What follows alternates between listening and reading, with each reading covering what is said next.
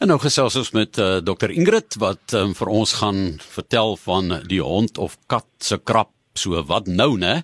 Jekkerige honde en katte is van die mees algemene toestande wat um, veeartse sien. So dis ook baie frustrerend vir die diere sowel as hulle eienaars want almal se kwaliteit van lewe word nou aangetast. En nou wil ek weet, Dr Ingrid, is dit nou uh kroniese probleme wat opduik of hoe? Ja, absoluut. Dit is 'n kroniese probleem. 'n Mens moet juk basies vergelyk aan iemand wat hoekoors kry hulle hele lewenslank of asma of enige van daai um ekseem, daai tipe kondisies is soortgelyk in honde. Ehm um, so dit is definitief ietsie wat goeie behandeling nodig het en 'n mens moet voorbereid wees vir 'n langtermyn kondisie wat ons nie kan regmaak nie of cure nie, maar wat ons wel kan onder beheer kry en seker maak dat die diere en hulle eienaars 'n goeie kwaliteit van lewe het. Nou kom ons pak die bil by die horings wanneer dit kom by die hond of kat wat juk en uh, hulle begin krap. Wat is die eerste stappe wat 'n mens moet doen indien jou hond of kat juk? Goed, so stap nommer 1 is behandel ordentlik vir vloeie. Dis uh, nie lekker as 'n pasiënt inkom en hy juk en dan maak ons daai pelsie oop en daar's net vloeie oral. Dan voel ons asof ons hele geld mors. So maak seker jy gaan in by jou veearts en kry 'n goeie langwerkende vloei produk so vloei poeier en dips werk nie eintlik baie effektief nie en dit werk letterlik vir die tyd wat dit op die dier is. So as jou dier nie nat is van die dip nie, werk dit nie. So dis baie belangrik om of 'n top spot te kry, druppeltjies wat jy agter op die nekkie sit of 'n pilletjie wat vir 'n maand of tot 3 tot 4 maande hou vir vloeie. Ehm um, en dis baie belangrik om seker te maak dat jy eers vloeie uit die prentjie uitkry. Ehm um, en dan as jy dit wel gedoen het en jou hond of kat week nog steeds, die volgende stap en die vinnigste stap om 'n oplossing te kry is om jou hond of kat by 'n veearts te kry. Ehm um, dis ek weet meerderheid van mense probeer allerlei goeders en olies en shampoos en ander kos en alles dan die goeders voordat hulle by 'n veearts kom, maar dit mors baie geld ehm um, en dit verleng die tydperk dat 'n mens verligting kry vir jou dier So regtig kom kuier by ons en dan kan ons daai probleem aanspreek so gou as moontlik. Kan almal gou vinniger 'n goeie nagrus kry, né? Wat veroorsaak juk? So gewoonlik juk is deur allergie veroorsaak en daar's drie groot kategorieë goeters wat juk veroorsaak. Nommer 1 is vloeie, soos ons nou al bespreek het. En dan nommer 2 is omgewenlike allergene. So daar kyk ons na styfmeel, stof, swamme, allerlei goeders wat 'n mens op 'n dier in kontak kan um, mee kom. En dan die derde een is kos. So daar kyk ons na spesifieke bestanddele in die kos, soos hoender of ehm um, koring of so. Dis nie brand van kos nie. So soms sal 'n mens van een sakkie verander na 'n ander sakkie en wonder hoekom die kos nie help nie, maar eintlik moet ons wegbeweeg van 'n spesifieke spesifieke bestanddeel in die kos. So dis die drie groot kategorieë en dan kry ons allerlei sekondêre probleme as daai vel nou geïrriteerd is en die hond of kat juk en krap en lek aan die vel kan ons definitief bakterieële en swaminfeksies ook optel wat juk gaan veroorsaak en dit moeiliker maak om te behandel.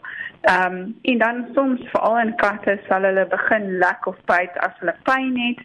Soms nierstene of blaasstene kan die soortgelyke ehm um, simptome uh, veroorsaak. So dis baie belangrik weer eens dat ons daai honde en katte sien om seker te maak en vas te stel wat die eintlike onderliggende probleem is. Ehm uh, ja, jy sê dit is belangrik om die veearts te besoek. Nou wanneer jy na 'n algemene praktisyn gaan dan jy sê jou uh, keel is seer, dan sê hulle sê A. Ah. Ja. Maar wat gaan by jou besoek gebeur indien uh, Dr Ingrid mense nou aankom met hulle geliefde troeteldier, 'n kat of 'n hond? Goed, so eerstens gaan ons 'n lekker lang gesprekkie hê en 'n volle geskiedenis kry. So enige inligting wat 'n mens vir ons kan gee, help nogals baie. Soos patroon van juk, wanneer het dit begin, was daar enige veranderinge, wat se diere het jy in jou huishouding, rook enige iemand in jou huishouding, sê ons gaan 'n hele klomp vrae vra. En dan gaan ons daai hond of kat volledig ondersoek en net kyk vir onderliggende probleme. Maak seker daar's nie pyn, maak seker die niertjies is nie seer nie, ehm um, enigiets anders wat ons daar dalk kan optel. En dan gaan ons definitief 'n monstertjie van die vel en hare neem om te kyk vir infeksies, parasiete, swamme, bakterieë, allerlei ander goedes wat ons sal moet aanspreek in die behandelingsprogram. Ehm um, as ons nou wel vermoed dat daar dalk 'n onderliggende kondisie is, sal ons soms ekstrale aanbeveel of bloedtoetse of biopsies as dit nou nie so 'n tipiese allergie lyk nie. En dan begin ons met 'n behandelingsprogram En dit kan 'n hele dit gaan 'n hele kombinasie van medikasie wees, aanvullings, dalk dieetveranderings, shampoo, topikale behandelings, dit kan 'n hele klomp goedes wees. Ehm um, en baie baie belangrik, die seker die belangrikste deel van alles, ons gaan weer vra dat jy terugkom dat ons kan kyk en sien hoe reageer daai hond of kat op die behandeling elke liewe dier is anders en elke liewe dier reageer anders. So dit is verskriklik belangrik om nie moed op te gee na die eerste besoek nie as dit nie werk nie.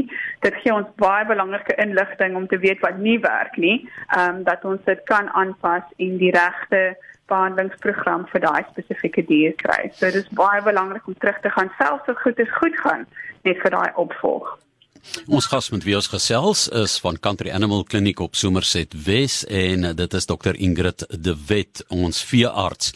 Nou baie mense se veearts is sommer hier. Ek kyk nou juis hier op Google. Jy weet dan sien ek o, kat juk doen dit. Jy weet hond juk doen dat, jy weet en so. Dit moet vir julle geweldig frustrerend wees want baie van daai goed wat daar staan is waar, maar die tydsberekening en die konteks waarbinne dit gedoen word word verkeerd gediagnoseer en toegepas en dit kan dan tot erge ongerief en eintlik wreedheid teenoor die dier lei as 'n mens jou eie uh, veearts wil speel, né? So wat moet ek nie doen nie? Ja, definitief. So nommer 1 moet asseblief nie die dieet verander nie. En ek dink dis die ding wat mense die eerste ding wat hulle aan dink is is die koste verander. So daar's nie twee of drie spesifieke dieete op die mark wat wel gebruik vir allergiese honde en hulle is almal voorskrifkosse. So dis nie ietsie wat jy maklik by supermark gaan kry en die probleem oplos nie. Ehm um, en en ons kry baie keer dat die pasiënte wel inkom en die mense het die kos verander en dan sê ons nee wat ons moet eintlik hierdie die kos gebruik en dan het hulle al klaar groot sak gekoop en dan maak dit alles moeiliker. So moet asseblief nie die dieet verander nie. Ehm um, dan tweedens moenie die dier net so los nie en dink dit gaan weggaan nie. So hoe langer 'n mens dit los, hoe erger gaan dit word, hoe meer sekondêre komplikasies gaan ons kry en hoe moeiliker en duurder gaan dit raak. So so gou as moontlik kom by ons uit dat ons daar daar kan help. En dan as daai eerste veearts se behandeling nie werk nie, moenie opgee nie, moenie na 'n ander veearts toe gaan nie. Want daai veearts gaan weer eens van die begin af begin en dit gaan baie meer kos en dit gaan baie frustrasie veroorsaak. So as as daai eerste behandelingsprogram nie werk nie, gaan asseblief weer terug na daai veearts toe dat hulle dit kan aanpas vir jou hond. So dis of kat is baie belangrik. En dan ehm um, besef dis baie belangrik dat mense besef dit gaan 'n lewenslange probleem word. Ons sal probeer en alles doen wat ons kan om daai diertjie so gemaklik as moontlik te maak. Um, maar dit is baie belangrik om 'n goeie verhouding op te bou met jou veearts en seker te maak dat jy praat met hulle dat dit nou 'n program is wat jy kan handhaaf in jou lewens met jou gesinne. Ehm um, so moenie net dink dit gaan een behandeling wees en alles is weg nie. Soos soos by die mens, né, met ekseem en allergieë en psoriase en al die tipe van dinge. Absoluut, dit is baie soortgelyk, ja. ja. Is daar snaakse uh, dokter Ingrid forme van allergieë? Absoluut. So ek kry baie mense wat hulle honde inbring en sê die die honde lek hulle pote of kou aan hulle pote. Ehm um, of selfs honde wat gereelde oorinfeksies kry. Dit moet 'n 'n vraagteken opbring. Is dit dalk allergie as ons daai twee simptome sien? En dis die moeite werd om jou veearts te vra, is daar dalk 'n kroniese behandelingsprogram wat ons kan in plek sit? om hierdie probleme op te los of te voorkom. Ehm um, en dan 'n baie snaakse enetjie as hulle baie keer 'n naalkliere kry wat blok of infeksies kry, is dit soms 'n aanduiding van onderliggende allergie. Ehm um, so dit dis nog maar net goeders wat as jy hond dit doen is volgende keer wat jy by die veearts uitkom, vra net is dit dalk allergie en is daar ietsie wat 'n mens daaraan kan doen. Ons het ook al um, op ons SMS lyn navraag gekry oor mediese fondse vir diere. Is dit nou werklik nodig of nie. Uh jy weet want as jy nou een keer gaan en daar is iets wat jy moet behandel en ek praat nou nie van 'n langtermyn nie, dan dink 'n mens, wel, ek het nou weggekom hiermee, maar hier lyk dit vir my asof dit 'n baie goeie ding sal wees om 'n mediese fonds te hê vir so 'n tipe van 'n langtermyn behandeling.